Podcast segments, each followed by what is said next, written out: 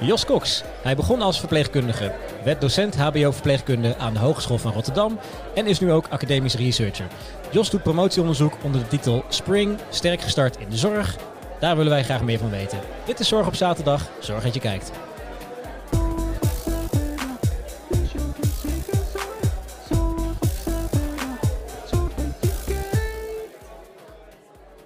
Jos, welkom. Welkom. Dankjewel. Helemaal vanuit Rotterdam naar het, uh, het mooie Groningen gereden. Inderdaad, ja. Ze zeggen toch altijd, hij gaat niets boven Groningen. Dus uh, dan kun je het zelf ook ervaren. Precies. ja. Ben je al eens vaker in Groningen geweest? Ik ben wel eens uh, vaker in Groningen geweest. Ja, precies. Ook, ook hogeschool gerelateerd? Of, ook dat, ja. Kijk, kijk. Of, of dus Universiteit Groningen ook, hè? De, de rug zit hier natuurlijk. Die zit hier ook, ook. Ja. Dus, ook een hogeschool. Dus, ja. Hebben we wel eens samenwerksverbanden daarmee gedaan? Of is het meer gewoon een bezoekje geweest? Of, nou, vanuit mijn onderzoek uh, is de, de ontwikkelaar van het onderzoek zelf, zeg maar, die werkt momenteel ook voor de Universiteit Groningen. Dus uh, oh, kijk. Daar zit een soort van samenwerkingsverband al. Ja, ja, precies. Ja, heel goed. Nou, tof.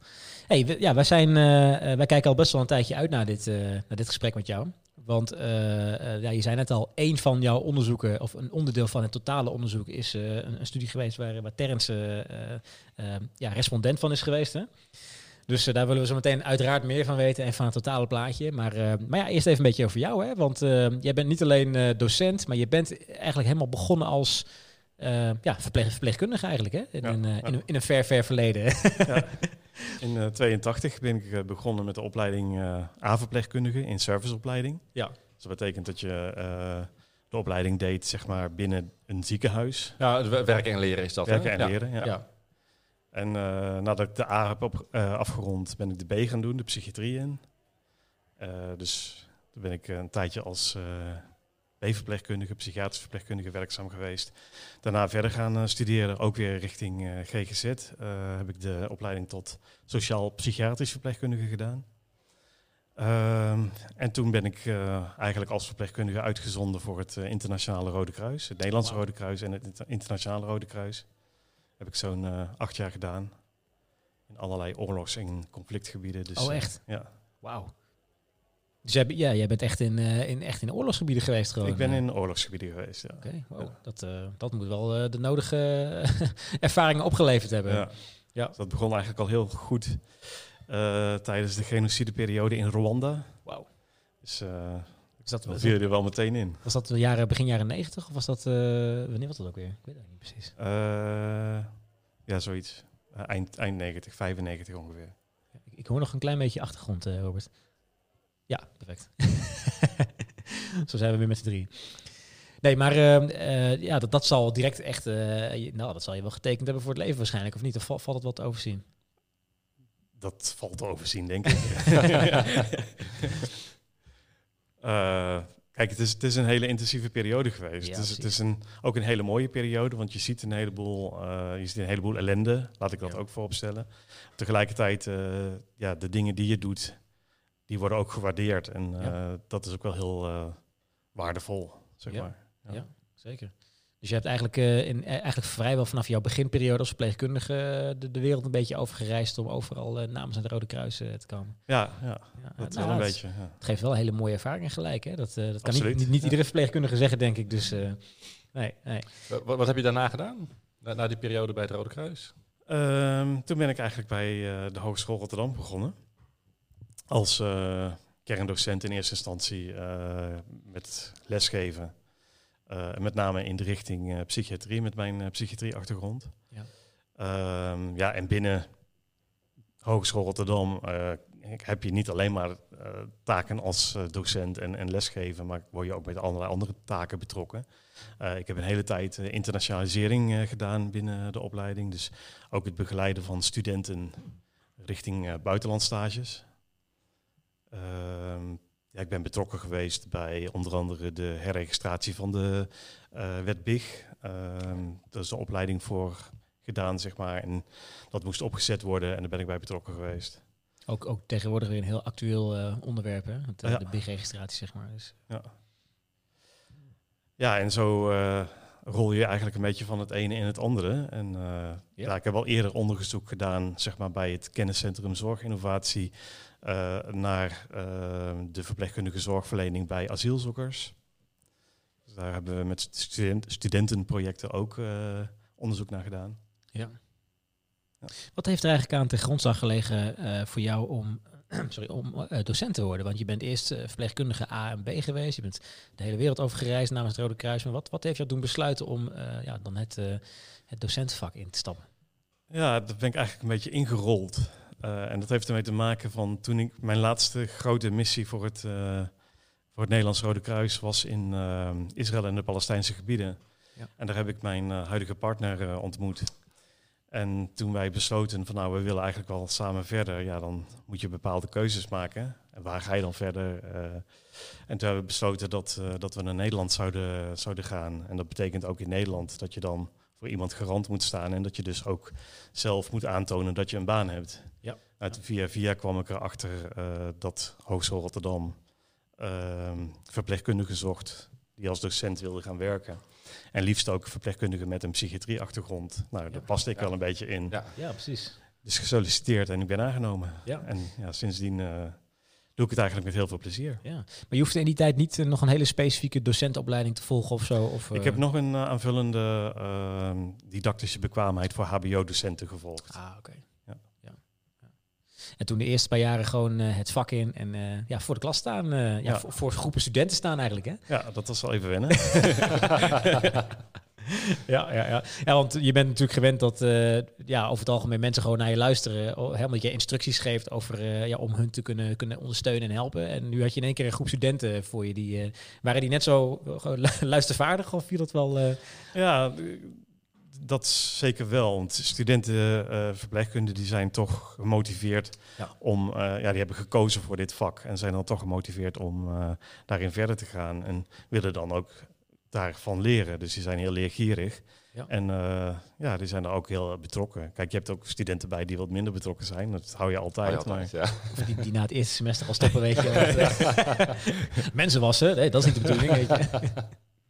Nou ja, kijk, dat, eh, dat is natuurlijk ook zo. Kijk, sommige studenten die komen in het eerste jaar, die, die eh, zitten op de middelbare school en die besluiten van nou, ik wil eh, verpleegkundige gaan worden. Om wat voor reden dan ook. En die komen dan in het eerste jaar terecht en komen er dan achter van, goh, is dit verpleegkunde en moet ik, moet ik dat en dat leren en moet ik dat en dat straks gaan, gaan uitvoeren in de praktijk? Ja, maar dat, dat had ik eigenlijk niet voorzien en dat wil ik eigenlijk niet. Ja, die gaan dan na het eerste jaar stoppen. Ja. Maar het merendeel uiteraard eh, gaat wel verder. En gelukkig maar. Ja, ja, precies. Ja. Nog even een klein stukje terug naar, naar jouw eigen ervaringen. Wat, wat heeft jou eigenlijk toen besluiten om verpleegkundige te worden? Helemaal eh, in het begin. Ehm, ja, ik zat op de... Ik heb MAVO gedaan, toen HAVO gedaan. Eh, na de HAVO was het een keuze van... Goh, wat ga ik doen? Ga ik verder studeren met VWO? Of ga ik toch wat anders doen? Ehm, had twee zussen, die zaten allebei al in, in de zorg. Ja. En eh, daar hoorde ik wel wat verhalen van. En het trok me op zich wel aan. Dus eh, op een gegeven moment toch bes- het besluit genomen van... eh, nou, ik, eh, ik ga toch die verpleging in. Ja. Ehm, alleen was dat net eh, in de jaren tachtig in een periode dat er een overschot was aan verpleegkundigen. Dat zou je nu eh, niet denken, maar in die tijd wel. Omgekeerde wereld. eh. Precies. ja. En toen heb ik eigenlijk een heleboel eh, sollicitaties gedaan om in service opgeleid te kunnen worden. Ik denk dat ik misschien wel 60 brieven eh, de deur uit Zo, heb gedaan. Waarvan ik op vier plaatsen maar op gesprek mocht komen. De rest was gewoon allemaal afwijzing. Of je zat buiten de regio, of ze zaten allemaal al vol, of eh, Ja. wat voor reden dan ook. Nu is het eerder dat er 60, 60 partijen zijn die aan een verpleegkundige trekken om in dienst te komen waarschijnlijk. Ja. Nou ja, uiteindelijk eh, vier eh, uitnodigingen gehad. Ook vier gesprekken gehad. Bij twee eh, aangenomen. En eh, de keuze gemaakt om eh, uiteindelijk in Dordrecht de in-serviceopleiding te doen bij het gemeenteziekenhuis was het toen nog. Tegenwoordig is het het Albert Schweitzer ziekenhuis. Geen moment spijt van gehad. eh, Nee, geen spijt van gehad. Gelukkig maar. Hey, het, het, het lesgeven wat dat betreft in de huidige tijd, hoe, hoe gaat je dat af? Want ehm, ja, je, je moet vanuit huis werken, hè? Dus Ja, het is in deze COVID-19-tijd eh, ja, toch wel eventjes eh, ja, acclimatiseren, aanpassen. En eh, dat is even wennen. ja. Ehm, kijk, toen het in, in maart allemaal begon, zat ik midden in een groep met studenten die aan het afstuderen waren, die ik aan het begeleiden was. En opeens moest je dat vanuit huis doen en via een computerscherm doen. En dat is wel even wennen. Ja. Je hebt, als je voor de klas staat, dan, ja, dan heb je toch wat meer intensief contact dan eh, wanneer studenten achter een scherm zitten. Ja. En ja, je merkt ook wel op een gegeven moment van dat studenten, eh, ja, ik weet niet zeggen of ik het woord laks moet noemen, maar wel wat lakser worden in de zin van eh, dat je soms dan zijn ze wel aanwezig, dan zie je dat ze aanwezig zijn, maar ze hebben hun camera uit, ze hebben hun geluid uit. Ja, en dan zit ik tegen ze te praten en dan Ja. vraag je soms wel eens af, tegen wie heb ik het? Ja, Ja, precies. Ja. Nou ja, je, je zal waarschijnlijk wel de bepaalde dynamiek die je dagelijks had met studenten gewoon in de klas en ze zien en, eh, en ze voor je hebben staan, dat, dat zal je waarschijnlijk wel voor een deel missen ook, of niet? eh? Ja, ja. ja. Ja, die, die dynamiek die, eh, die is ja, best wel verdwenen ja. door middel van het online lesgeven. Dat is eh, het jammer ervan. Er zitten ook wel weer wat voordelen aan. Eh, je hebt natuurlijk geen reistijd om er naartoe te komen. Klopt, Studenten kunnen zo inloggen. En Het is je wel wel kan, efficiënter inderdaad. Hè? Ja. ja. Ja. Ehm, maar wat ik ook heel erg mis op dit moment is eh, het contact met mijn eh, collega's. Want dat gaat eigenlijk ook allemaal online. Dus eh, Ja. het koffiemomentje bijvoorbeeld. eh, ja. ja. Oh, de, de koffiemomentjes gaan ook online, zeg maar. Of, eh, nou, die hebben inderdaad, eh, worden wel georganiseerd online inderdaad. ja, precies. Is, dat wel, eh, ja, dat zal waarschijnlijk wel deel zijn geweest wat het, het vak waarschijnlijk zo leuk maakt. Hè? Juist de dynamiek met de studenten, de omgang met je collega's, eh, elkaar dagelijks zien. eh, even tussendoor even, even een kopje koffie drinken, zeg maar. Ja, dat, dat is er nu allemaal gewoon niet meer. Hè? Precies. Dus, ja. Ja, ja, ja, dat is wel eventjes een ja, hele andere situatie. Maar het lesgeven aan zich, dat, dat gaat toch wel gewoon. Ja, kijk, de lessen gaan op zich wel verder door. Dus, en dat moet ook wel. Want anders kan je ook niet verder. En we hebben wel lessen ehm, fysiek op, op de hogeschool. Die, die gaan nog wel lessen door. Die zijn voornamelijk op dit moment voor eh, vaardighedenlessen. Maar ook ehm, ja, kennismakingslessen, zeg maar. Als je een lessenreeks begint, dan eh, proberen we toch zoveel mogelijk eh, aan, aan het begin van een semester of aan het begin van een kwartaal, dat we mensen wel even fysiek zien. Dat je in ieder geval weet wie heb je voor je. Ja. En dat je dan afspraken maakt over eh, het vervolg en dat dat dan verder online is. Ehm, momenteel geef ik voornamelijk lessen in, eh, in afstuderen, dus begeleiden bij eh, het schrijven van artikelen, afstudeerartikelen voor studenten. Ehm, daar zit een heel proces aan vast. En een van die processen is dat ze een onderzoeksplan moeten schrijven. Dat onderzoeksplan moeten ze na vier weken, vijf weken presenteren. Eh, en dat doen ze middels een pitchpresentatie, middels, middels een PowerPoint. Dan zou je kunnen zeggen van ja, dat kan online ook, maar we proberen dat zoveel mogelijk wel fysiek te doen. Dat mensen gewoon aanwezig zijn Ja. Ja. eh, op de hogeschool en dat we ze daar eh, fysiek die presentaties laten eh, geven. Ja, het, het voelt wat, wat officiëler hè, als dat even in die manier, eh, op die manier gedaan wordt. Tenminste, ik kan me nog wel herinneren als ik eh, met, met, toen ik met afstuderen bezig was, een paar jaar geleden. Dat, eh, het, het voelde wat, wat serieuzer als je inderdaad gewoon aanwezig bent en je verhaal doet. En, Ja. en mensen kijken naar, luisteren naar, geven feedback, zeg maar, dan wanneer je ja, even online zit en even door een paar sheets heen klikt. en nou, dit was mijn, eh, mijn verhaal, weet je wel. Dat, Ja. Ja, het gebeurt toch nog. Hè? Ik bedoel, het is een beetje afwegen van hoe is de situatie en eh, Ja. Wat kunnen we nu het beste doen op dit moment. En soms gebeuren die presentaties toch online. En ja, zo gauw het mogelijk is, kunnen we het ook eh, fysiek doen. Ja, precies. Want afgezien van de, eh, de, de, de, de presentatie van het afstudeeronderzoeken, onderzoekjes, eh, of onderzoeken, is verder eigenlijk niemand aanwezig op die hogeschool? Of zijn er wel mensen, wat, wat mensen her en der, de, de, de research bijvoorbeeld of iets dergelijks? Die, Nou, de onderzoekers zijn voornamelijk thuis werkzaam. Juist die. Juist die. Oké. Eh, docenten, ja, de meeste docenten werken ook vanuit huis, omdat de meeste ehm, lessen gewoon online zijn. Maar er zijn ook docenten aanwezig die gewoon die fysieke lessen geven. Dus er zijn altijd wel mensen aanwezig. En ondersteunend personeel, daarvan eh, zijn er ook wel eh, mensen aanwezig. Ja. Dus ja, het, het moet wel doordraaien. Dus Ja. in die zin zijn er ook wel mensen gewoon fysiek aanwezig. Ja, want er zit bij HBOV er zit ook heel veel praktijktraining bij, toch? Hoe, ga, hoe gaat dat dan eigenlijk in zijn werk op, in deze tijd? Ehm, ja, er zijn natuurlijk een heleboel stages. Eh, onze studenten lopen drie, vier stageperiodes van eh 20 weken. Ja. Dus in jaar twee eentje, in jaar ehm, drie twee en in jaar vier ook nog eentje. Ja. En die vier stageperiodes van, eh van 20 weken, ja, dat vindt plaats in een ziekenhuis of verzorgingstehuis of in een psychiatrische instelling. Ehm, en dat gaat in principe gewoon door Maar we merken ook wel van dat sommige eh, instellingen, zorginstellingen, ook wel een beetje huiverig zijn om studenten in te gaan zetten. Eh, juist vanwege ook het, eh, het grote tekort aan personeel wat ze zelf al hebben. En eh, een student inzetten, dat kost toch wel weer extra begeleiding. Ja, op die manier. Ja, ja precies. Dat, dat het vaste personeel dan hè, Ja. eh, de taak erbij heeft om die student te begeleiden. Ja. Ja. En je, ze lopen dan natuurlijk ook weer het risico van op, dat mensen... Kijk, op het moment dat iemand ziek gaat worden of iemand verkouden wordt... dan moet hij eigenlijk al eh, thuis blijven Ja. tot hij een test heeft gehad. En eh, tot bekend is dat, eh, dat hij niet besmet is met, met corona. Ja, dan kan het ook zo zijn als het tekort is aan personeel... dat studenten dan maar ingezet worden Ja. omdat ze toch aanwezig zijn. Terwijl ze eigenlijk overgepland Ja. gepland staan en begeleid zouden moeten worden... Worden ze dan eigenlijk als vol ingezet. Ja. Nou, dat wil je eigenlijk ook voorkomen. En sommige eh, instellingen zeggen ook van ja, op dit moment kunnen we gewoon geen eh, studenten gebruiken. Nee, nee. Ja, het, het stukje begeleiding, dat kost gewoon veel, veel extra energie, hè, inderdaad, zoals uh, al zei. Ja. Als je kijkt naar de, de huidige situatie, hè, de afgelopen acht maanden, acht maanden inmiddels, hè, volgens mij dat we in Nederland in de, de COVID-situatie zitten. Als je al die, die verpleegkundigen ziet, dat, dat moet jou waarschijnlijk ook wel aan het hart gaan, of niet? Ja, het is natuurlijk eh, een gigantische opgave op dit moment. Ja. Eh, iedereen is hartstikke druk eh, bezig. En ja, je hebt die onderbezetting eigenlijk sowieso al. Dus eigenlijk ja, alle, alle verpleegkundigen die we, die we kunnen gebruiken in de zorg, die, die worden ook gewoon optimaal benut. Ja. Ja. ja, precies. Zijn er dingen die uh, in jouw eigen, je bent natuurlijk veel uitgezonden geweest, hè? zijn er ook situaties gelijk aan wat nu in Nederland gaande is? Heb je zoiets al wel eens eerder meegemaakt? Uh, ik heb zoiets nog nooit eerder meegemaakt. Nee. Okay. Maar ook geen, uh, geen, geen virusuitbraken in, uh, in andere landen of iets dergelijks? Waar je dan ja, die zijn er natuurlijk wel geweest, maar daar ben ik nooit bij betrokken oh, okay, geweest. Ja, ja dus, precies. Ja, ja, nou, dat, dat, dat scheelt weer, zou je dan denken. Ja. Dus, ja. Hey, en nou, je bent met, een, met een promotieonderzoek bezig, hè? Ja, klopt. Ja.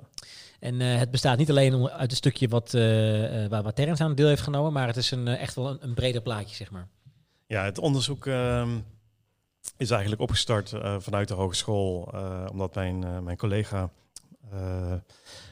die deed een, een min, die draaide een minor met, met minorstudenten. En die hebben onderzoek gedaan onder verpleegkundigen van ja, wat, wat daar speelde. En die kwam er eigenlijk achter van dat er best wel veel studenten waren die al aangaven van fysieke en mentale gezondheidsklachten te hebben. Toen dacht hij van, uh, goh, dat is uh, misschien wel interessant. En zou dat dan leiden tot uitval? Want, want die hadden die klachten al tijdens de opleiding? Ja. Oké. Okay, ja. ja. En dat, uh, dat was tijdens een, een kwalitatief onderzoek, dus een interviewonderzoek. Ja. En daar gaven mensen gewoon al aan van dat ze bepaalde klachten hadden. En dat het verpleegkundig werk ook best wel zwaar was. Nou ja, die heeft toen uh, op een gegeven moment op basis daarvan besloten van nou, het is misschien wel interessant om daar uh, wat uitgebreider onderzoek naar te gaan doen. Dus die heeft een uh, onderzoeksvoorstel geschreven en uh, dat aangeboden bij een externe financierder. Die hebben daar geld voor beschikbaar gesteld en toen kon het onderzoek eigenlijk van start gaan. Er zijn al vacatures uitgezet voor twee promovendi. Eentje gericht op mentale gezondheidsfactoren onder studenten verpleegkunde en eentje onder fysieke factoren die een mogelijke rol spelen bij uitval.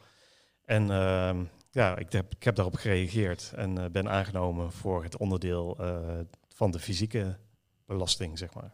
Ja.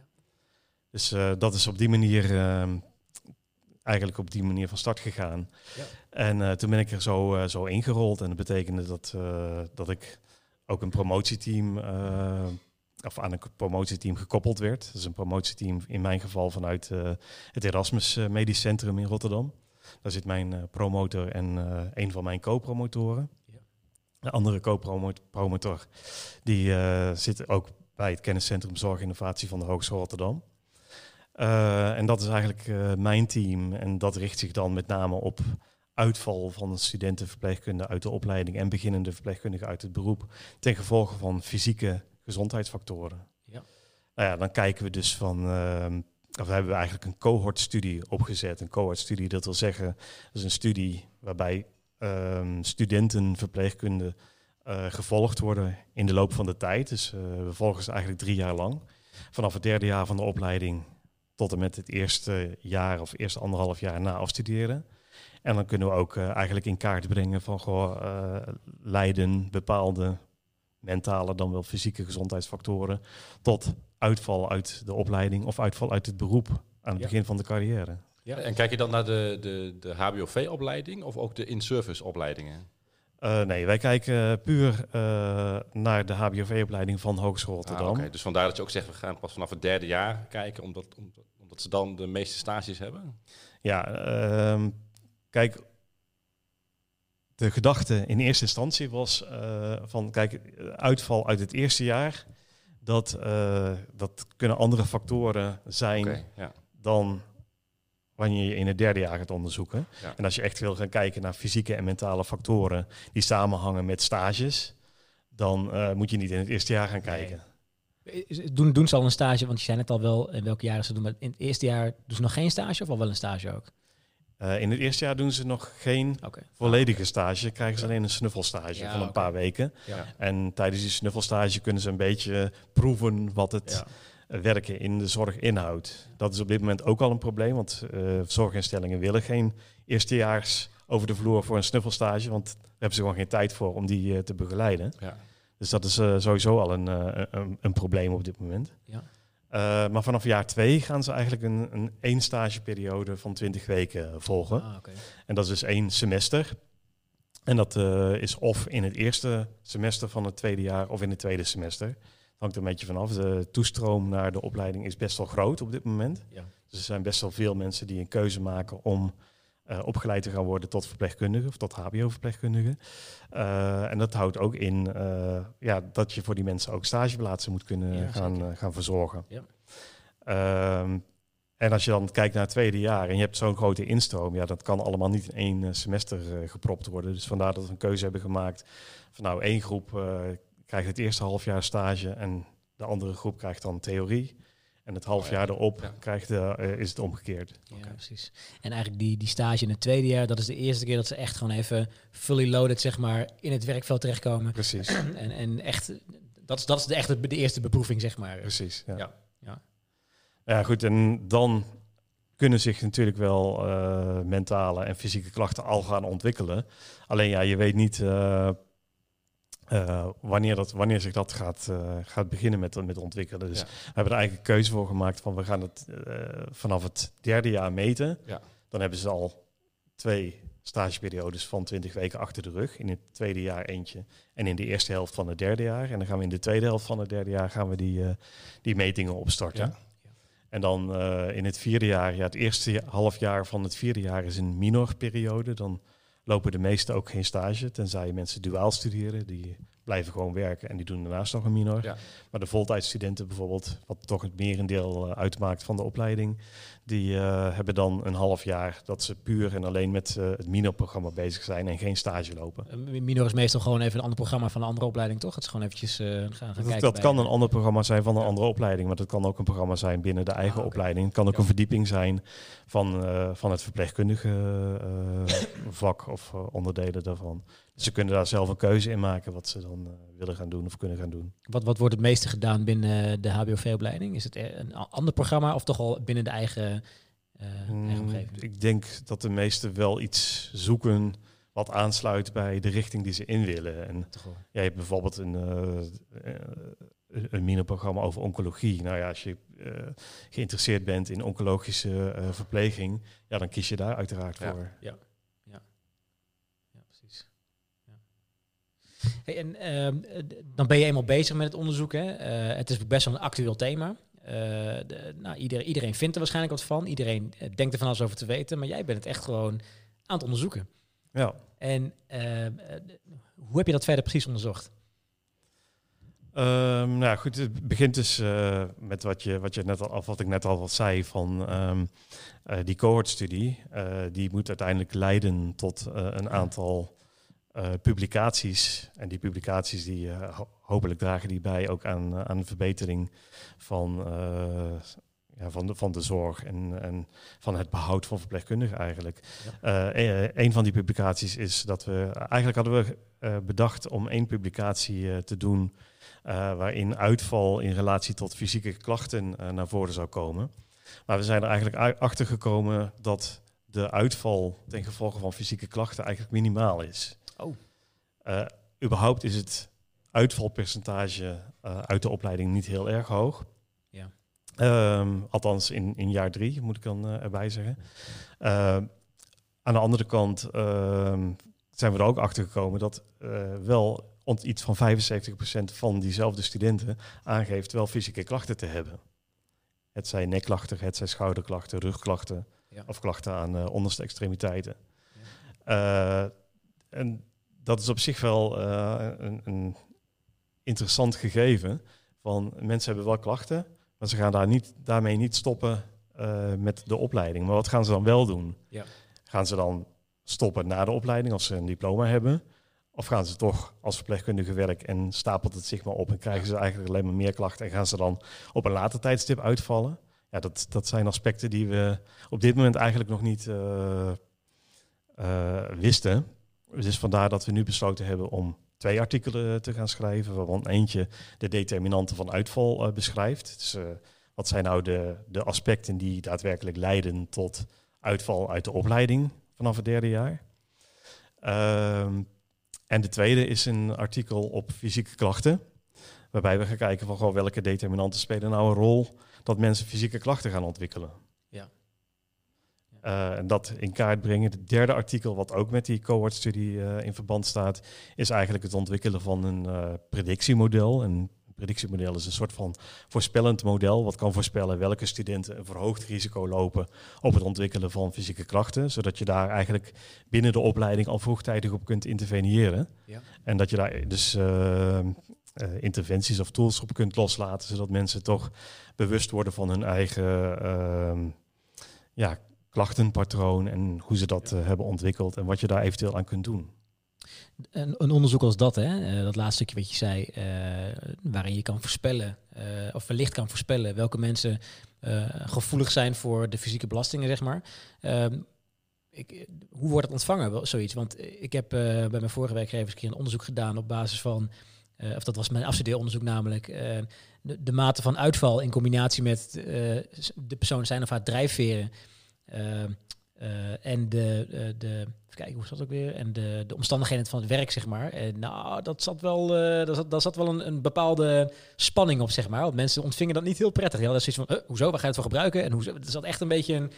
Ja, mensen vonden het niet zo prettig om, om daar al op, op, op gewezen te worden. Dus hoe, hoe wordt zoiets ontvangen bij uh, nou, het, het, het, prettige is natuurlijk, het, het, het, onderzoek dat wij doen wordt breed gedragen en ook door de opleiding gedragen. Dus ik mag dan ook van de, vanuit de opleiding dat onderzoek gaan doen. Dus uh, het, het, moet ook wel wat bijdragen aan. En dat, daar is eigenlijk het hele onderzoek ook op gericht. Ja. Dat het bijdraagt aan uh, de opleiding, aan het verbeteren van de opleiding, maar ook aan het verbeteren van, uh, of aan het voorkomen dat mensen gaan uitvallen vanwege bepaalde klachten of iets dergelijks. Dus ehm, ja, alles wat wij doen en aandragen, dat wordt wel goed ontvangen. En ja. daar wordt ook wel op, op ingespeeld van, god, wat kunnen wij daarmee? Een van de dingen we, doen dus ook, we proberen dus ook uh, studenten te betrekken bij ons onderzoek. Door ook onderzoeken uit te zetten binnen uh, minoren, uh, minorenonderwijs, binnen afstuderen projecten en dat soort zaken. Um, een van de minoren projecten die, die ik heb uitgezet was een curriculumscan. Om te kijken van goh, wat, wat zit er nou eigenlijk in het onderwijs op het gebied van het voorkomen van mentale en fysieke gezondheidsfactoren. Uit bleek bijvoorbeeld dat als je gaat kijken naar uh, til- en verplaatsingstechnieken, die kregen studenten verpleegkunde bij ons op school alleen in jaar 1. Nou, ik heb net al uh, aangegeven, in jaar 1 lopen ze nog geen stage. Nee.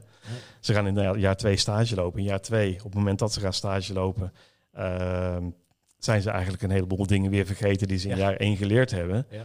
Dus ehm, ja, we hebben toen ook weten te bewerkstelligen, onder andere daarmee, dat er in ieder geval uh, voorafgaande aan de stageperiode van jaar 2 een herhaling komt van uh, ja, de, de meest belangrijke aspecten van die til- en verplaatsingstechnieken in jaar 1. Zodat ze in jaar twee daar toch nog eventjes op geattendeerd worden van... ja, let op, want dit is wel belangrijk om een goede houding aan te nemen. Uh, ook als je aan het werk bent in die praktijk en uh, daadwerkelijk ook met patiënten bezig bent. Ja, ja. Dat, dat onderzoek wat je uitgezet bij de, de minoren, hè, het curriculumonderzoek, zeg maar, wat, wat, wat, wat waren daar nog meer resultaten van? Die zei van, uh, het ging erom te kijken of studenten bepaalde mentale of fysieke belasting hadden. Hè, mm -hmm. en, en of daar ondersteuning voor was vanuit de opleiding, zeg maar. Nou, er is wel, jullie hebben dat mee gedaan om ervoor te zorgen dat binnen het tweede jaar nog weer eventjes een, een soort van refresh komt. Hè, van joh, zo doe je dat hè, met, met patiënten of cliënten behandelen. Uh, wat, wat zijn nog meer resultaten? Komen er nog meer resultaten uit, laat ik het zo zeggen? Nou ja, er komen wel wat meer resultaten uit. En uh, daaruit blijkt eigenlijk ook wel dat ehm, mentale en fysieke factoren ja, wat toch wel een beetje van ondergeschikt belang zijn binnen de opleiding. Ja. En de opleiding wilde ook wel wat mee doen. Alleen, uh, ja, je zit dan ook wel van als je iets in het onderwijs erbij wilt gaan, uh, gaan stoppen, dan moet er ergens anders weer wat af. Ja. Je kan niet zomaar iets erbij doen, omdat wij vinden van er moet iets bij. Maar uh, ja, dan, het, het, onderwijs zit nu eigenlijk al overvol met, met van allerlei curriculum ja. dingetjes. Dus dan moet je echt wel heel goed gaan kijken. Dus dat bespreken we dan wel met onder andere de curriculumraad.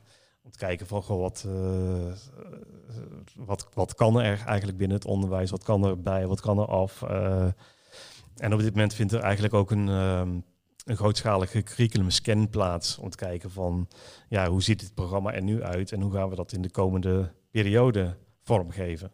Ja. Dus uh, nou ja, en, en, daar spelen wij ook wel een, een rol in. We hebben regelmatig ook uh, overleg met uh, de curriculumraad om de bevindingen van ons onderzoek daar uh, uit ja. te dragen.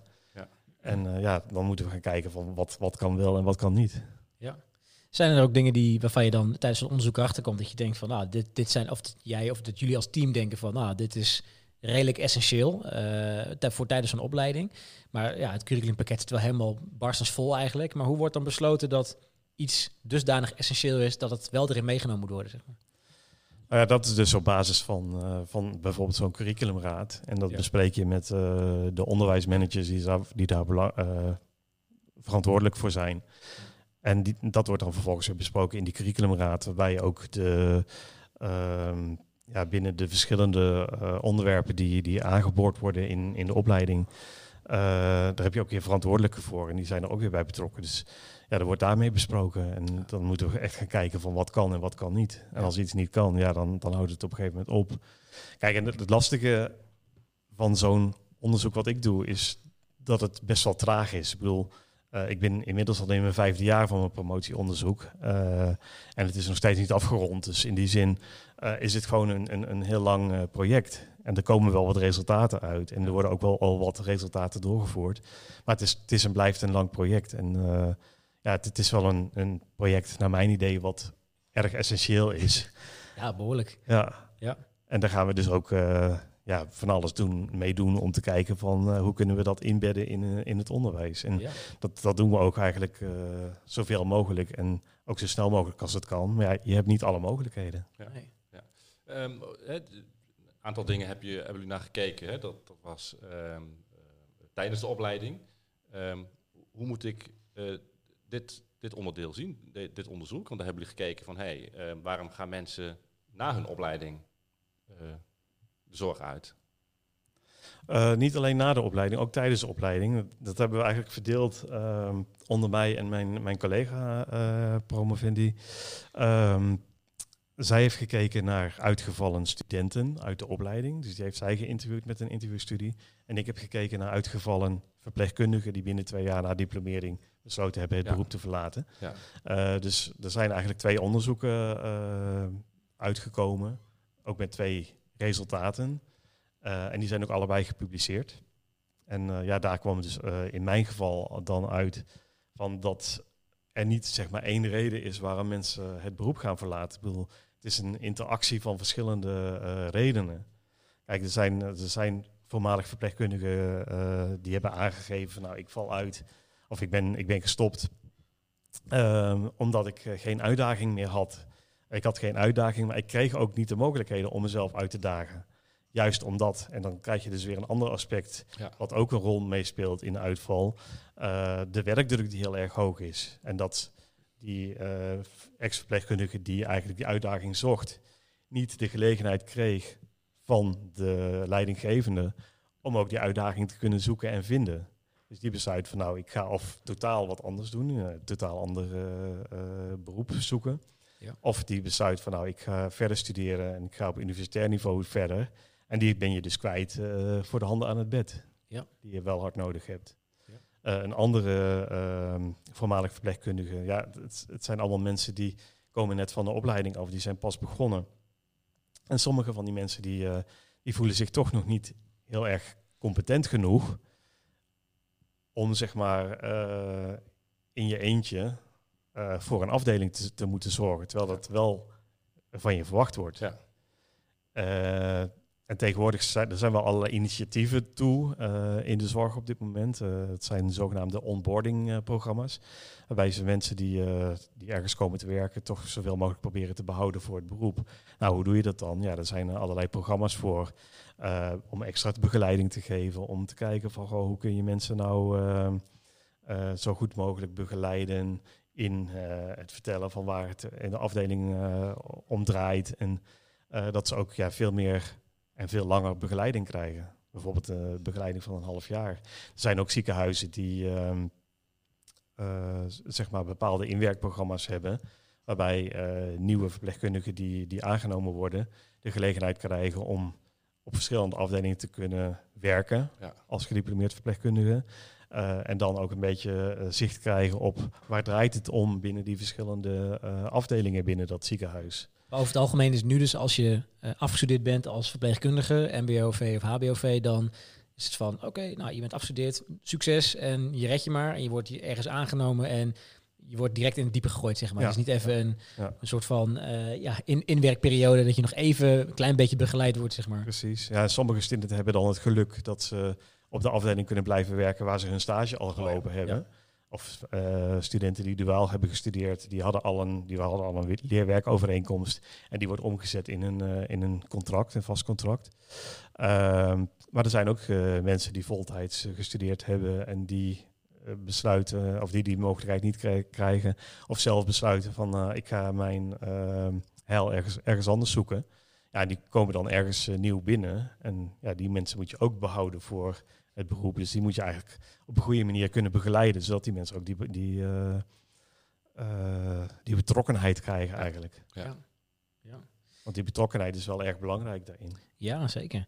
Hey, als je uh, met een, een, een, onderzoek bezig bent, hè, een, pro, een, een, promotieonderzoek. Ik, ik kan me voor mezelf nog herinneren toen ik met mijn afstudeeronderzoek bezig was. Je hebt vooraf een bepaalde uh, bepaalde theorie ergens over, een bepaalde gedachtegang ergens over, misschien zelfs stiekem wel een bepaalde aanname ergens over. Uh, maar ja, het stukje aan wetenschappelijk of onderzoek is dat de resultaten zijn gewoon de resultaten. Hoe, hoe ging dat bij jou? Was, was er, uh, had je het verwacht of was het een tegenstelling? Of dacht je van, ah, nou, dat had ik niet echt verwacht, maar ja, ik moet het ermee doen? um, nou ja, de, de verwachting in eerste instantie was eigenlijk dat er veel meer ehm, uitval zou zijn, gerelateerd ook aan fysieke klachten. Juist ook omdat fysieke klachten uh, best wel hoog waren. Nou, dat blijkt dus niet zo te zijn. Ja. Uh, maar het blijkt wel zo te zijn dat fysieke klachten wel uh, heel erg een rol spelen binnen Ja. studentenverpleegkunde. Dus daar moet je dan eigenlijk ook wel wat mee om ze in de toekomst later tijdens hun carrière ook te behouden voor het beroep. Want je kan wel zeggen, ja, oké, okay, ze hebben fysieke klachten. Ehm, maar ze vallen niet uit. Ja. Ja, maar je moet er wel wat mee. Ja. Ja, en anders krijg je in de toekomst ook gewoon een, een opstapeling. Hè? Dat het en de fysieke klachten wordt en als ook de, de werkdruk heel hoog is, dat je ook nog mentale... Ja, dan is het een, een sneeuwbaleffect natuurlijk. Ja, precies. Ja. ja. En, en uh, het onderzoek die, uh, waar we hier de publicaties van hebben liggen, hè? Dat, uh, wat, wat zijn daar de belangrijkste uitkomsten van geweest? Uh, nou, ik heb net al wat gezegd over dat uh, kwalitatieve onderzoek uh, Ja. uit, van die uitgevallen uh, verpleegkundigen. Ehm, daar zijn we eigenlijk op achtergekomen van goh, uh, er spelen zowel werkgerelateerde als persoonlijke factoren een rol. Maar het is ook niet één aspect wat echt, echt daadwerkelijk bovenuit steekt. Dus je hebt een, een gebrek aan uh, we, spreken dan binnen, we hebben een, een- een leuk schemaatje gemaakt waarin we spre- spreken over een gebrek hebben aan. En dan heb je een gebrek aan ehm, eh, passie bijvoorbeeld. Er zijn mensen geweest die de opleiding weliswaar hebben afgemaakt en ook nog wel als beginnend verpleegkundige zijn begonnen. Maar die eigenlijk tijdens de opleiding al zoiets hadden van ja, ik, ik voel die passie niet. Die, ik merk bij eh, mijn collega verpleegkundigen of mijn collega studenten ehm, dat die toch een, een zekere passie hebben voor het zorgen voor mensen. Die passie heb ik eigenlijk nooit gevoeld. En ja, dan zijn ze in de opleiding zover. Dan denk ik, ja, ik maak die opleiding maar even Ja, af. Precies. En dan gaan ze ook nog werken. Maar die, die passie die komt maar niet. Nee. En dan besluiten ze, van, ja, dit is toch niet wat Nee. ik eigenlijk eh, zoek. En dan heb je de, het gebrek aan eh, dat competentiegevoel. Het gevoel van, eh, ja, niet volledig bekwaam te zijn. Ik bedoel, ze, zijn. ze hebben een opleiding afgerond, je hebt je diploma. Maar dan moet je dus eh, echt volop eigenlijk eh, in het diepe springen. En eh, dat is voor sommige eh, voormalige verpleegkundigen best wel confronterend. Ja. Eh, en die voelen zich dan eigenlijk ja, wat minder competent. En als daar meer begeleiding op zou staan, of begeleiding zou, eh, bij zou worden gegeven, dan zouden die mogelijk wel eh, het beroep in het beroep kunnen blijven. Maar juist omdat dat er niet is, besluiten die dan om, om weg te gaan. Dan is er een groep die heeft ja, werkgerelateerde ehm, ehm, ontevredenheid eigenlijk, eh, omdat de werkdruk zo hoog is. Dus eh, ja, er is weinig personeel, eh, er moet heel veel gedaan worden. En hoe, hoe, minder personeel, hoe meer er gedaan moet worden, Ja. hoe, meer, hoe hoger de druk eigenlijk weer wordt. Ja, dat stapelt zich eigenlijk ook alleen maar op. Dus dat maakt dan op een gegeven moment ook dat ze besluiten van nou, dit, dit wil ik niet meer. En Ja. dat, dat ze er dan mee gaan stoppen. Ehm, er was ook nog een groep, een groepje mensen die aangaven al fysieke klachten te hebben, eigenlijk voordat ze met de opleiding eh, begonnen. Dat in sommige gevallen waren dat aangeboren fysieke klachten. Eh, dus die hadden niet eh, of geen fysieke klachten vanwege het werk, ook niet vanwege de stage die ze hebben gelopen of iets dergelijks. Maar dat was van tevoren eigenlijk al. En ja, die zijn dan toch in de opleiding binnengekomen.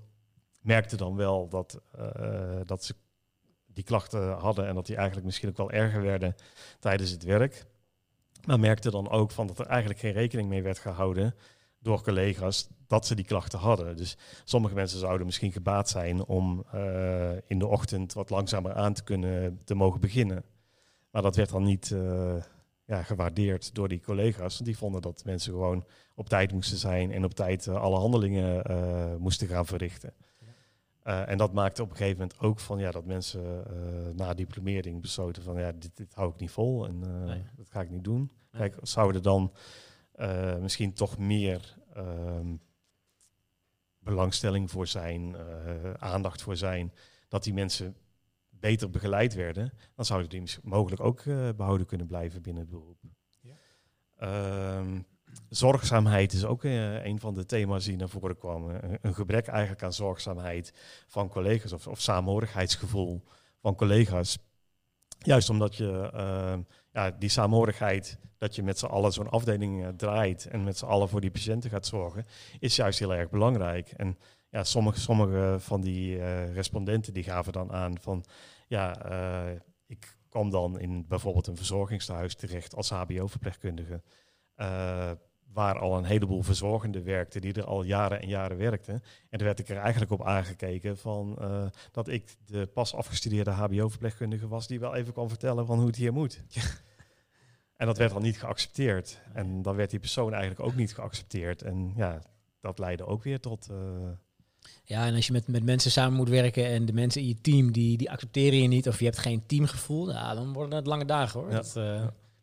zijn, zijn er ook uitkomsten geweest die, eh, die door respondenten me- veel meer dan sommige anderen werden aangegeven? Was het meer een beetje een, een gemeleerd... Nee, want het, het een had ook weer betrekking op het andere. Kijk, als je de groep ehm, eh, mensen die ehm, zeg maar min- minder eh, eh, mogelijkheden hadden om zichzelf te ontwikkelen, daar wel naar op zoek waren en die op een gegeven moment het beroep gingen verlaten om iets anders te gaan doen of om wat verder te gaan studeren of iets dergelijks.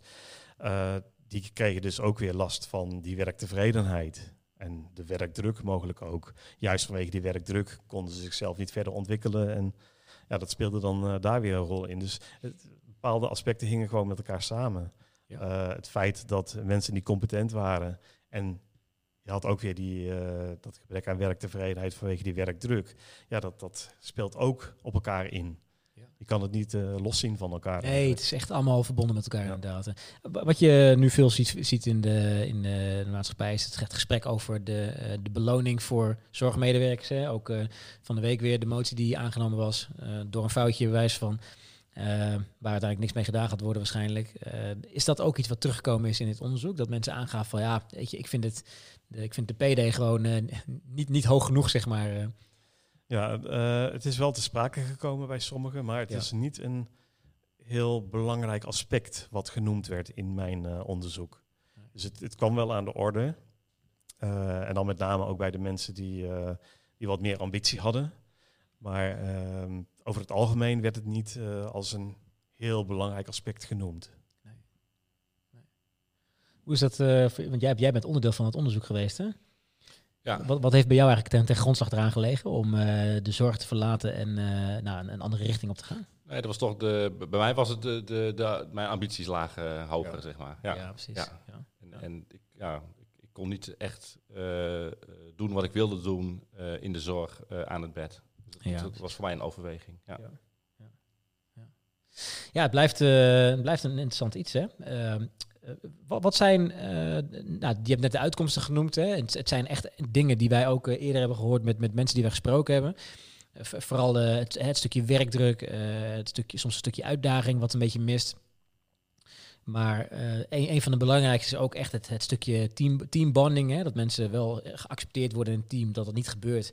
Of dat ze in een, eh, in een, in een team van een, van een ja, wat een beetje eh, een, een groep oude rotten terechtkomt, zeg maar. Mhm. En daar dan niet tussen kan komen. Omdat ze iets, ja, het is een beetje hun, hun clubje. En ja, je bent dan de nieuweling of de, de jonge persoon die dan komt vertellen hoe het allemaal werkt.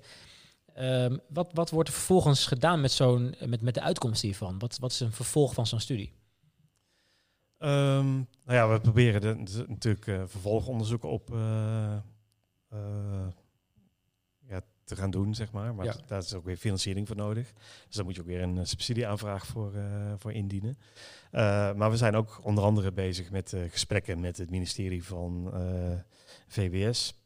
Ja. Om te kijken van, goh, wat zijn de mogelijkheden? Want daar liggen ook ja, aspecten die, die van belang zijn. Ehm, er zijn ook andere regio's in Nederland bezig met ja, uitval en behoud van, eh, van verpleegkundigen. Eh, ik weet dat eh, de Hogeschool Avans in, eh, in Breda daarmee bezig is. Die zijn ook bezig met eh, VWS. Eh, wij doen ehm, heel veel zaken ook met de Rotterdamse Zorg. Overkoepelende organisatie van eh, zorginstellingen binnen de regio Rotterdam. Ehm, en zowel Breda als Rotterdam hebben vorige week een onboardingprogramma gelanceerd. Dus ja, daar, is, daar wordt ook heel erg. eh, ehm, ja, daar, wordt, daar maakt men zich hard voor, zeg maar. Ehm, dus het is echt wel een heel belangrijk item op dit moment. eh, Ja. Waar behoorlijk veel mensen mee bezig zijn. Ja. Dus eh, ja, we, willen er natuurlijk wel naar kijken van goh, hoe kunnen we dat nou in de toekomst ook meer vorm te krijgen, zodat, zodat we ook mensen kunnen behouden voor, voor dat beroep. Ja. Nou, een van de uitkomsten ehm, uit ons onderzoek is eigenlijk van ja, wij zijn begonnen met metingen in jaar drie. Maar metingen in jaar drie, dan neem je maar de helft mee van het aantal uitvallers eh, ten opzichte van eh, als je gaat meten vanuit, vanaf jaar één. Ja. Dus eh, we willen nu ook gaan kijken van of we die metingen niet al in jaar één kunnen gaan starten. Ja. Zodat eigenlijk vanaf jaar één al duidelijk is van hebben mensen als ze binnenkomen ja, aan het begin van, van de studie, hebben ze dan al mentale of fysieke klachten. Ehm, en eh, dat mensen ook kijken, bewust kijken eigenlijk naar hun eigen ehm, eh, fysieke en, en mentale bewustzijn. Ja. Van, van ehm, ja, weet hoe je er, ervoor staat op dit moment. En eh, ja, hou daar ook rekening mee gedurende de opleiding. Van ja, als je klachten gaat krijgen, dat je daar ook wat mee gaat doen. Ja, zeker. Ja. Kijk, het is natuurlijk mooi om, want, want iedereen heeft er bepaalde aannames over. Hè, van, van ja, wa- waardoor komt het nou dat zoveel mensen uitstromen in de zorg? Dus het is sowieso al mooi om dit gewoon op academisch niveau onderzocht te hebben en dat het gewoon vastgelegd staat. Eh, maar in de afgelopen jaren, dit is natuurlijk al iets wat langer gaande is, hè, de, de, de uitstroom binnen de zorg. Eh nou, jij hebt een stukje onderzocht van mensen die eh, binnen twee jaar de, de zorg verlaten. Heb je ook een bepaalde gedachtegang over het bredere plaatje? Als je kijkt naar, eh, ik weet niet exacte getallen nu, maar er is van de week een artikel naar buiten gekomen dat er vorig jaar volgens mij alleen al weer iets van, iets van eh 100 100.000 mensen of zo de zorg verlaten hadden. Eh, heb jij daar een bepaalde gedachtegang over? Dat je denkt van, nou, ik, ik heb wel een, een voorgevoel van waar dat van komt. Nou ja, kijk, we hebben nu ook te maken natuurlijk met, eh, met de vergrijzing. Eh, mensen eh, worden sowieso meer ouder, dus de zorg die verzwaart. Want hoe ouder mensen worden, hoe langer ze zorg nodig hebben. En vaak is het ook nog zo dat eh, als mensen ouder worden, dat, dat ze wel allerlei lichamelijke klachten hebben. Eh, en die vaak ook wat gecompliceerder zijn. Eh, dus de zorg verzwaart in die zin. De, het aantal verpleegkundigen, ehm, dat wordt ook ouder. Dus er gaan ook veel meer verpleegkundigen met pensioen aan het einde van hun carrière. Eh, dus daar zit al een deel van de uitval. En voor een deel van de uitval, ehm, eh, en dat is ook naar voren gekomen uit exitgesprekken van onder andere de, de Rotterdamse Zorg en zo, van dat ze of de, eh, het niet eens zijn met het beleid van de instelling, of dat ze zelf eh, actief op zoek gaan eh, naar carrièreperspectieven. Ehm, dus er spelen een heleboel zaken ook weer een rol die ook op een later tijdstip binnen het verpleegkundig beroep kunnen bijdragen aan het feit dat mensen toch besluiten van iets anders te gaan doen. Of, of ja, en, en soms is het ook van eh, dat mensen wel als verpleegkundige willen blijven werken, maar hun horizon willen verbreden binnen een andere instelling. Dat Ja. kan natuurlijk ook. Ja, ja. Waar ik ook wel benieuwd naar ben trouwens, is... eh, eh, jouw stuk is gepubliceerd. daar heb je ongetwijfeld een hele tijd over gedaan om het gepubliceerd te krijgen. Maar hoe, hoe wordt het ontvangen door mensen in de omgeving? En hoe wordt het ontvangen door andere specialisten? Want eh, wat je ook doet, er zullen altijd mensen zijn die zeggen... Nou, geloof ik niks van. Wat een flauwekul, is helemaal niet zo. Hoe is dat, hoe is dat, hier, hoe is dat hierbij Ik moet zeggen dat ik die reactie nog niet heb gehad. Oké, ja, dat valt weer mee. ik heb juist eh, ja, heel veel reacties van herkenning eh, Ja. gehad. Van ja, ja oh, dit, dit klopt wel zo. En ook van, van herkenning van mensen die in de zorg werken. Van, van hey, ja, als er collega's uitvallen, ja, ik, ik herken daar wel wat in Ja. Van de redenen waarom ze daadwerkelijk weg zijn gegaan. Ja, precies. Dus ik heb nog niet een reactie gehad van. eh, Ah, gelukkig Nou, maar. De- Overigens, eh, de, de tijd die het kost om zo'n stuk gepubliceerd te krijgen, hoe, hoe lang doe je daar überhaupt eigenlijk over? eh, nou, deze is, duurde wel heel erg lang. Eh, ik denk dat het een jaar en nou, anderhalf jaar of zo geduurd heeft. Wauw. Dat is wel heel lang, Van ja. moment tot indiening dat het artikel eigenlijk in, ja, in concept klaar was. En dat mijn promotieteam het ermee eens was van nou, dat, eh, dat kunnen we zo gaan indienen. Eh, dan komt het in het proces van peer reviewing. Dus dan gaan er nog eh, andere mensen naar kijken. Die geven daar weer commentaar op. Dan krijg je het weer terug. Dan moet je het weer aanpassen. Dan gaat er weer een tijd overheen voordat de editor van het journal besluit van nou, eh, ik stuur het weer door naar de peer reviewers. Of de peer reviewers hebben het opnieuw gezien. Ja. Ik stuur het weer door naar de onderzoeker, zodat hij er weer mee verder kan. Ja, uiteindelijk heeft dat eh, wel zo'n anderhalf jaar geduurd. Dat hele proces eh, van onderzoeksteam naar journal, naar, review, naar editor, naar reviewers. Weer terug naar de editor, weer terug naar de onderzoekers. Herschrijven van het artikel op basis van de feedback die je hebt gekregen. Weer opnieuw indienen bij een journal. Weer opnieuw naar de editor. Weer opnieuw naar de peer reviewers. Oh man. weer feedback. En diezelfde weg terug. Dus ja, Ja. dat, dat is, is een heel complex verhaal. Nou, Ja. hoe, hoe vaak eh, is tijdens dat trajectje de, de moedje wel niet in de schoenen gezakt dan? eh? Wel een paar keer. ja, dat geloof ik al. Ja, en deze duurde dan anderhalf jaar. Eh, ik heb dan een systematisch literatuuronderzoek gedaan naar eh, interventies die we kunnen inzetten, of die ingezet zouden kunnen worden en die wetenschappelijk bewezen zijn. Ehm, eh, binnen eh verpleegkundeonderwijs om ehm, ja, zeg maar, aspecten met verplaatsingstil en verplaatsingstechnieken bij studenten verpleegkunde te implementeren. Ehm, dat artikel dat heeft een jaar en tien maanden geduurd voordat het eh, van het moment tot indiening en uh, uiteindelijke publicatie Ja. heeft plaatsgevonden. Ja. Da daarover gesproken trouwens, ik, ik, vroeg, me- ik, ik schoot me net te binnen. Ik, eh, ik ben eigenlijk al benieuwd naar wat tij- tijdens de opleiding HBOV, hè, eh, wordt er ook aandacht besteed aan, los van de fysieke belasting, maar ook aan een stukje mentale belasting later in het vakgebied, zeg maar. Op wat voor manier wordt daar eh, aandacht aan besteed en eh, worden daar ook bewijs van eh, het stuk wat voor jou eerder gepubliceerd is, hè, over interventies die gepleegd kunnen worden, worden daar ook al bepaalde interventies van op ingezet? Ja, hoe dat, dat, ik denk dat het een beetje instelling afhankelijk is van hoe de instelling daarmee omgaat. En sommige instellingen hebben uiteraard ook meer belang bij meer training in fysieke belasting, of in het voorkomen van fysieke belasting. Terwijl bij andere instellingen eh, dat veel minder aan de orde is, eh, zoals bijvoorbeeld in de, in de geestelijke gezondheidszorg. Ja. Kijk, en, en studenten worden toch opgeleid om breed ingezet te kunnen worden. Ja, dus die precies. kunnen in alle aspecten van de zorg ook eh, komen te werken. En dan hangt het een beetje af van de instelling waar het meer of minder van belang is om, om dat soort interventies te doen. En daarom is het juist ook van belang om het binnen de opleiding wel een, een plaats te geven. Eh, zodat ze daar in ieder geval eh, mee bezig zijn. En naar aanleiding van ons onderzoek ehm, hebben we ook een vervolgonderzoek, wat, wat ook een plaats heeft binnen mijn eh, eigen promotieonderzoek. En dat is dat we een ehm, training op het gebied ook weer van, til- en verplaatsingstechnieken. een training middels klinische kinesionomie, dus de bewegingsleer eigenlijk, in combinatie met haptonomische principes ehm, hebben we uitgetest eh, op een leerunit van het Erasmus MC in, in Rotterdam. Ehm, die is nog niet geanalyseerd, dus we hebben daar nog geen eh, echte resultaten van. Maar eh, we hebben wel al gezien binnen die training, dus twee keer een halve dag training heeft er plaatsgevonden. Eh, van, we hebben toen een voormeting en een nameting gedaan met een interventiegroep en een controlegroep.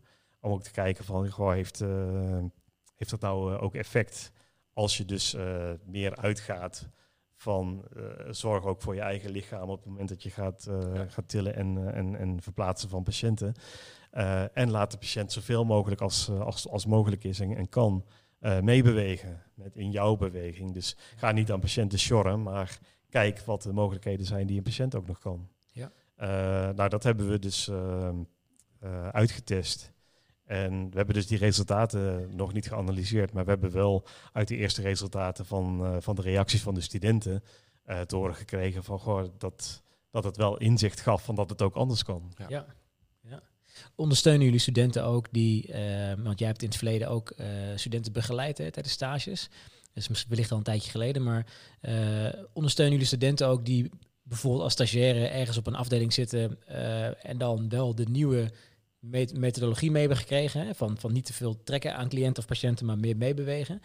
Maar dat ze dan wel in een, in een omgeving zitten waar eh, ja, de wat oudere garde, eh ja, dat zeggen, de basis. En dan zeggen van, ja, weet je, doe nou gewoon zoals wij dat doen. Op wat voor manier worden studenten eigenlijk ondersteund in dat opzicht? Nou ja, dat is natuurlijk eh, altijd een, een hekel punt. Eh, Ja. En dat hangt, is ook weer instellingsafhankelijk. Ehm, we proberen dat uiteraard zoveel mogelijk ook eh, af te stemmen met, met die praktijk. Vandaar ook dat we deze interventie die we zijn gaan uittesten, hebben uitgetest in die praktijk en niet op school. Ja. Want dan, als je het op school doet, dan weet je niet hoe dat in de praktijk gaat uitpakken. En we hebben dus ook gezegd van ja, laat ook zoveel mogelijk begeleiders, werkbegeleiders, praktijkopleiders, maar ook eh, verpleegkundigen met wie onze studenten samenwerken, gewoon meedoen aan, aan die. Ik denk eh, dat dat wel echt een hele goede is. Hoor. Want dat punt wat jij noemt, dat, ja, dat speelt natuurlijk wel. Hè? De, de- je hebt echt de, de, de verschillende afdelingsculturen. Ja. Ja. Ehm, en ja, de ene cultuur eh, ja, is men inderdaad van, nou, hè, kom eh, doorpakken en eh, niet zeuren. Ja. Zo hebben we het altijd al gedaan. Ja. Dus, eh, ja, dus Precies. het is goed dat jullie daar ook, eh, ook aandacht aan besteden. Ja. Dus eh, we, we hebben dat onderzoek wel eens aan gedaan op die afdeling ehm, onder studenten eh, verpleegkunde die op die afdeling werkzaam waren. En die afdeling eigenlijk eh runde, want het was een leerafdeling. Dus dan runnen de, de studenten zelf eigenlijk die afdeling grotendeels. Maar worden wel begeleid door gediplomeerd verpleegkundigen. Nou, daar hebben we ook gezegd van nou, alle gediplomeerd verpleegkundigen mogen Ja. deel, deelnemen. in de praktijk blijkt dan toch eigenlijk ook weer dat een heleboel gediplomeerde verpleegkundigen het dan toch weer afzeggen eh, vanwege de werkdruk op de afdeling. Ja, precies. Ja. Ja.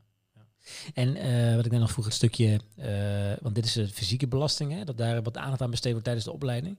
Maar wordt, worden studenten ook een beetje geprept voor eh, hun, hun toekomstige ja, eh, werkleven, maar dan ook dat dat ook wordt ge- gewezen op wat de mentale belasting, mentale belasting met iemand kan doen en eh, wat ze eventueel kunnen verwachten. Ehm, daar is eh, zeker ook wel aandacht voor. En ja, mijn collega die eh, met het mentale deel bezig is, die heeft ook een interventie uitgetest. Dat is de interventie verbindend communiceren. Ehm, dat is eigenlijk van ja, hoe je op een geweldloze manier ehm, ja, probleemoplossend kunt werken met zowel patiënten als met collega's en, eh, en dat soort aspecten. En dat is een interventie die, eh, die is uitgetest eh, binnen het onderwijs zelf van, van de HBOV. Ja. Dus daar, is, daar is aandacht voor. Ja. Maar ook weer, ja, dan kom ik ook weer terug op wat ik eerder zei van die curriculumscan. Daar zou ook meer aandacht voor kunnen en mogen zijn binnen de Ja. opleiding. Maar ook, ja, dan kom je weer in dat dilemma van wat kan wel en wat Ja, kan ja, niet. en wat moet er dan weer af? Ja, het, ik, ik heb altijd het idee dat bij dit soort dingen ehm, eh, dat mensen eh, ja, gewoon moeten aangeven wanneer ze op hun grens zitten of wanneer ze het even niet meer kunnen handelen. Maar ik heb altijd het idee dat het een beetje een, een soort van taboe is. Hè? Dat, dat de omgeving direct denkt van, oh ja, je kan het werk waarschijnlijk niet aan, dus eigenlijk zit je niet op je plek, weet je. Dat dat, eh, dat eigenlijk gewoon doorbroken moet worden en dat mensen gewoon ja, moeten vertellen waar ze mee zitten. Ja. Maar eh, Nou, heeft elke student die eh, vanuit de Hogeschool Rotterdam eh, een, een stageplaats heeft, die heeft ook eh, begeleiding, naast begeleiding binnen de instelling zelf, ook een instellingsdocent. Dus altijd een docent van de hogeschool die eh, gekoppeld is aan een bepaalde afdeling eh, of aan een bepaalde instelling, waar studenten ook vanuit de hogeschool zeg maar, ondersteuning van krijgen. Die docent gaat ook regelmatig naar zo'n afdeling toe om met de studenten te praten, maar ook te overleggen met de begeleiders van, van de student in die praktijk. En die is ook altijd aanwezig bij eh, beoordelingsmomenten en zo. En die heeft in principe ook altijd het laatste woord.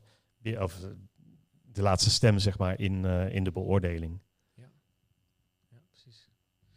Is er in jouw ehm, lange carrière als hogeschooldocent, is er, of nou, lange carrière, z- 17 jaar geloof ik, hè? 17 jaar.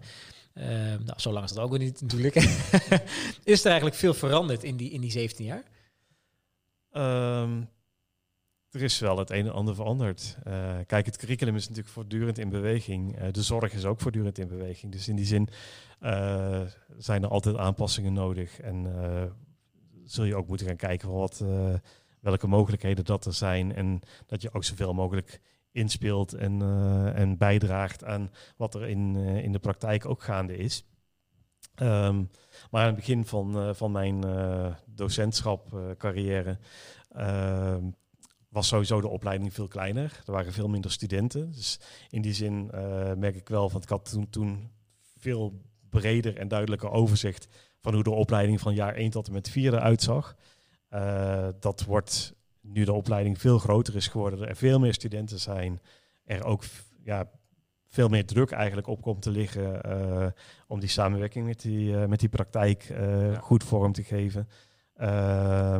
Ja, speelt het wel een rol en komt het soms wel eens in het geding eh, om, om ook het hele overzicht te krijgen. En daarvoor is eh, zo'n curriculumraad eh, dan ook op een gegeven moment in het leven geroepen.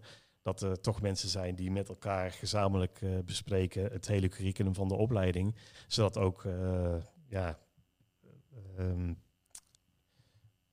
gekeken kan worden van dat, dat alles wat, wat in de opleiding moet zitten, dat dat er ook in zit. Ja. En dat het aansluit bij A, wat wij vanuit de opleiding beogen met de opleiding, maar B, dat het ook aansluit bij wat er vanuit het werkveld gevraagd wordt. Uh, als je kijkt naar aantallen, hè, waar moet ik aan denken? Ik zeg, ja, 17 jaar geleden was het veel minder, nu veel meer. Eh, Ja, de, de verschillen weet ik niet helemaal precies. Nou, Eh, onge- ongeveer. hè, is het verdubbeld, zeg maar, of verdriedubbeld? nou, misschien wel verdriedubbeld. Oh, Ja. Ja. Ja, dat is bijzonder.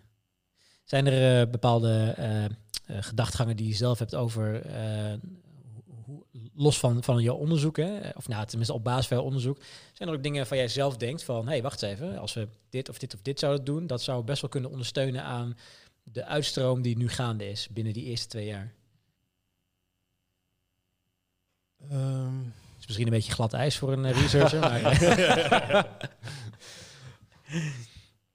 Ja, dan kijk ik ook wel een beetje naar wat de uitkomsten zijn van mijn onderzoek. Ja. En eh, kijk, zeker als je het hebt over het, het behoud van beginnende verpleegkundigen, dan eh, zijn, is het zeker van belang om, om beginnende verpleegkundigen goed te begeleiden. En dat je ook goed kijkt van wat, wat zouden nou aspecten kunnen zijn waardoor mensen gaan uitvallen of, gaan eh, besluiten om, om, om weg te gaan.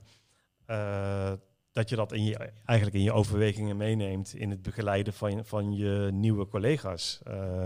Dus dat je ook gaat kijken van ehm, ja, wat, wat voor ambities heeft zo'n nieuwe collega? Eh, kunnen wij aan die ambities voldoen? Eh, zijn, zijn daar mogelijkheden voor? Wat zijn die mogelijkheden dan? Eh, begeleidingsaspecten voor beginnende verpleegkundigen die toch een beetje onzeker zijn. Ja. Van, dat ze niet meteen in de diepe gegooid worden, maar dat er toch een stukje begeleiding voor is. Het feit dat sommige mensen ehm, ja, zich onbegrepen voelen door hun collega's of zo. eh, dat, eh, dat daar meer aandacht voor is. Van, ja, kijk, en, en daar hangt die samenhang tussen die verschillende aspecten weer, eh, speelt daar weer een rol, in. Op het moment dat jij jezelf niet competent voelt en eh, eigenlijk heel onzeker bent over de werkzaamheden die je moet uitvoeren, omdat je opeens gediplomeerd verpleegkundige bent en alles maar moet kunnen doen. Ja. Eh, en als je dan daartegenover gediplomeerde verpleegkundigen hebt die dat ook van jou verwachten, ja, dan wordt die druk wel heel erg hoog. Ja. Maar als jij als onzekere beginnende verpleegkundige eh, in die zorg komt en je hebt een collega die, eh, die dat begrijpt en eh, die jou daarin gerust kan stellen en jou daarin kan meenemen, ja, dan wordt het al een heel ander verhaal. Precies.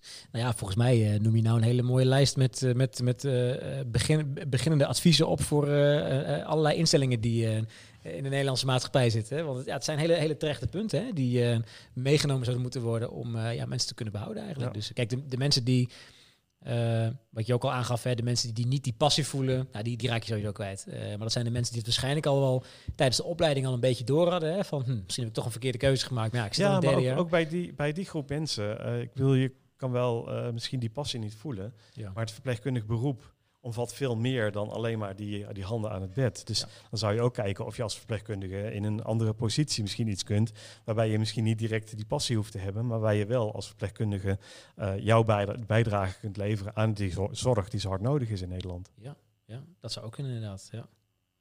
Zijn er nog eh, dingen die voor jou eh, op het programma staan voor de komende tijd? Naast het verdere eh, promotieonderzoek natuurlijk.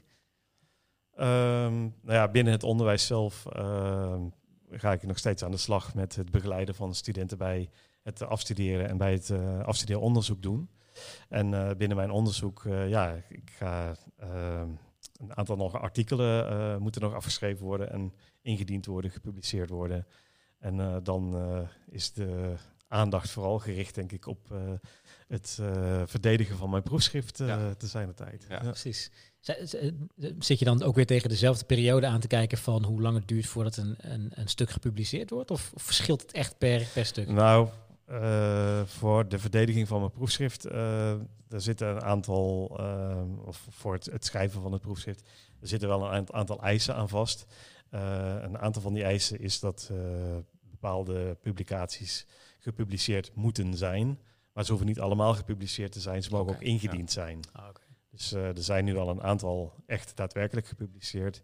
En eh, er mogen ook een aantal eh, artikelen bij zitten die ik mag indienen. En als ze zijn ingediend, dan telt dat mee als zijnde een soort van publicatie waarmee ik mijn proefschrift mag vullen. Ja. Ja. Dus ze hoeven niet allemaal eh, gepubliceerd te zijn. Dus het is niet zo dat ik eh, op al die artikelen moet wachten en zo lange tijd moet wachten tot het daadwerkelijk gepubli- gepubliceerd is. Om mijn proefschrift te kunnen afschrijven. Nee, Ja. Zijn er ook nog eh, vervolgonderzoeken die jij eventueel gaat steunen of supporten of gaat aansturen? Of? Ehm, ja, daar zijn we druk mee bezig. Maar op dit moment ligt mijn aandacht vooral nog op het, eh, Je eigen dingen. ja, op het eh, afschrijven van mijn proefschrift. En ja, we zijn wel druk bezig ook, wat, wat ik net al aangaf. we hebben connecties met het ministerie van VWS.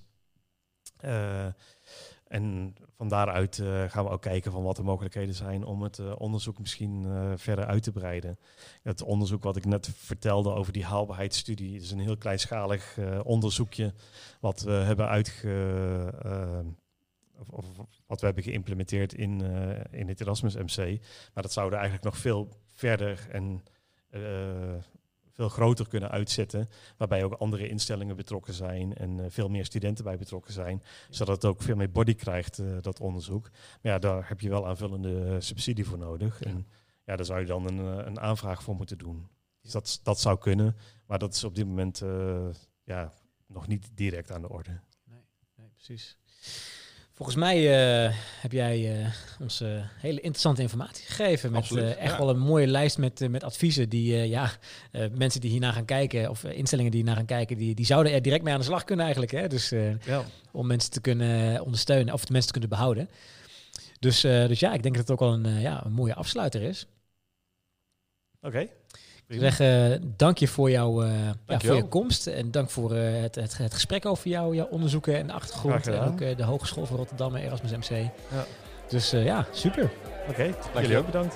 Volgende, volgende zaterdag, een volgende Zorg op Zaterdag. Zorg dat je kijkt.